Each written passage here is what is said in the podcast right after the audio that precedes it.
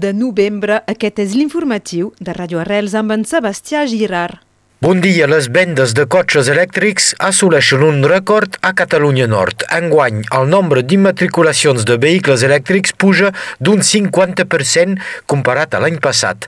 Uns resultats que els professionals de l'automòbil atribueixen a la inquietud global sobre la qüestió de l'energia. És més, segons els concessionaris, s'hauria pogut vendre més cotxes elèctrics si no fos pel conflicte ucraïnès i la crisi mundial de components electrònics. Per primer primera vegada, els cotxes elèctrics representen el 10% del mercat automòbil nord-català. Si afegim els vehicles híbrids, la part dels cotxes dits nets frega el 50% de les vendes a casa nostra. Se'n diu compendium.cat i és una plataforma que plega tota la documentació jurídica en llengua catalana. Arreu dels països catalans, la presència de la llengua en l'àmbit jurídic és una qüestió pendent. En aquest sentit, aquest nou portal és una eina clau a la qual també participa el Col·legi d'Advocats Catalunya Nord. Compendium.cat va ser presentat a Perpinyà divendres passat. Escoltem Anna Rai del Consell de Col·legis d'Advocats de Catalunya al micro de Lluís Dagas. El portal Compendium.cat el que fa és facilitar la feina dels advocats a l'hora de redactar. Permet eh, una resolució de dubtes lingüístics més àgil i una consulta més fàcil a tots els recursos que fins ara teníem dispersos i que ara se centralitzen tots dins la web compendium.cat. A nivell protocolari, en el compendium hi ha molt document jurídic, hi ha formulari jurídic de l'àmbit civil, de l'àmbit penal, però també hi ha molt model de, de document administratiu, actes, models de, de, de, de cartes, d'actes de reunió, convocatòries, contractes també, etc. Uh, amb la col·laboració del Col·legi d'Advocats de Perpinyà, el que esperem és poder incrementar el nombre de recursos en bilingüe, en format bilingüe, francès-català, per ajudar els advocats francesos a utilitzar el català.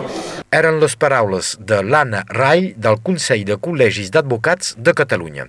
Era d'esperar, s'han confirmat dues apel·lacions en el judici de l'accident de Millàs, el verdicte del Tribunal Correccional de Marsella que va condemnar la conductor del bus a cinc anys de presó, dels quals quatre provisionals, no satisfà ni la defensa ni algunes parts civils del judici. Jean Codonyès, l'advocat de la inculpada, va confirmar l'apel·lació divendres passat. El mateix va fer l'advocada bordelesa d'algunes de les parts civils, Marie Mescam.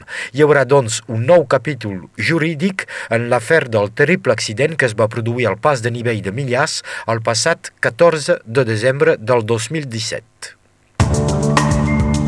El Tribunal Administratiu de Montpellier rebutja la demanda de l'associació Frena 66 pel que fa a la construcció d'un circuit per bicicletes de muntanya a Font Romeu. La Federació pels Espais Naturals demanava la suspensió del permís de construir d'aquest projecte que consisteix a crear quatre pistes de BTT al si d'un espai tancat de 15 hectàrees al bosc proper al Liceu de Font Romeu. Les obres que ja han començat reprendran ben aviat, però la cosa no s'acaba aquí. Malgrat aquesta derrota sobre la forma, la Frena 66 ha anunciat que presentarà una queixa sobre el fons del projecte. Després de quatre anys de treballs, el refugi de les Bulluses tornarà a obrir el pròxim 17 de desembre. Els grans dormitoris col·lectius van ser reemplaçats per unes habitacions particulars per a dos, quatre o sis persones. El refugi, que ara pertany a la comunitat de comunes del Pirineu català, estarà obert tot l'any i retrobarà el guàrdia Christophe Millet, que porta el lloc des de fa 8 anys. A la costa la inquietud creix amb la descoberta de pingüins morts suposadament per culpa de la grip aviària. El grup ornitològic del Rosselló ha confirmat un ocell mort al cap de Viara i un segon a Argerès la setmana passada, a més d'haver observat diversos ocells en mala forma a prop de la costa. El pingüí torda és una espècie migratòria i els que es veuen ara pel Mediterrani provenen de l'Atlàntic on s'han confirmat molts casos de grip aviària.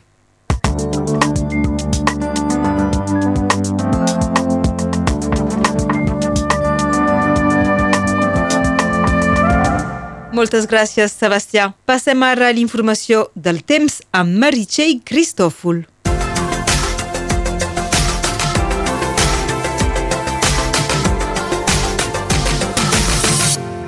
Bon dia. Aquesta tarda millor sortir amb el paraigua. Se preveu episodis de pluja sobre la major part del país. La Cerdanya i el Capcí se vesteixen de blanc avui. La neu hauria de caure durant la tarda. A la plana del Rosselló el vent és ben present. S'anuncia ràfegues màximes de fins a 50 km per hora. Les temperatures, elles, se mantenen estables. 13 graus a la capital, 12 del costat de l'Enya, 11 a Polies, 9 a Bages i a Montner, 6 graus a Arles, a Molich i a Nier, 2 a Sayagosa i menys 1 grau a Formiguera. Aquesta tarda el sol se pondrà a les 5 hores i 16 minuts, Avui celebrem Santa Caterina Labouré, Sant Esteve el Jove i Santa Faustina i acabem amb el refrany del dia Novembre nevat, abril enflorat.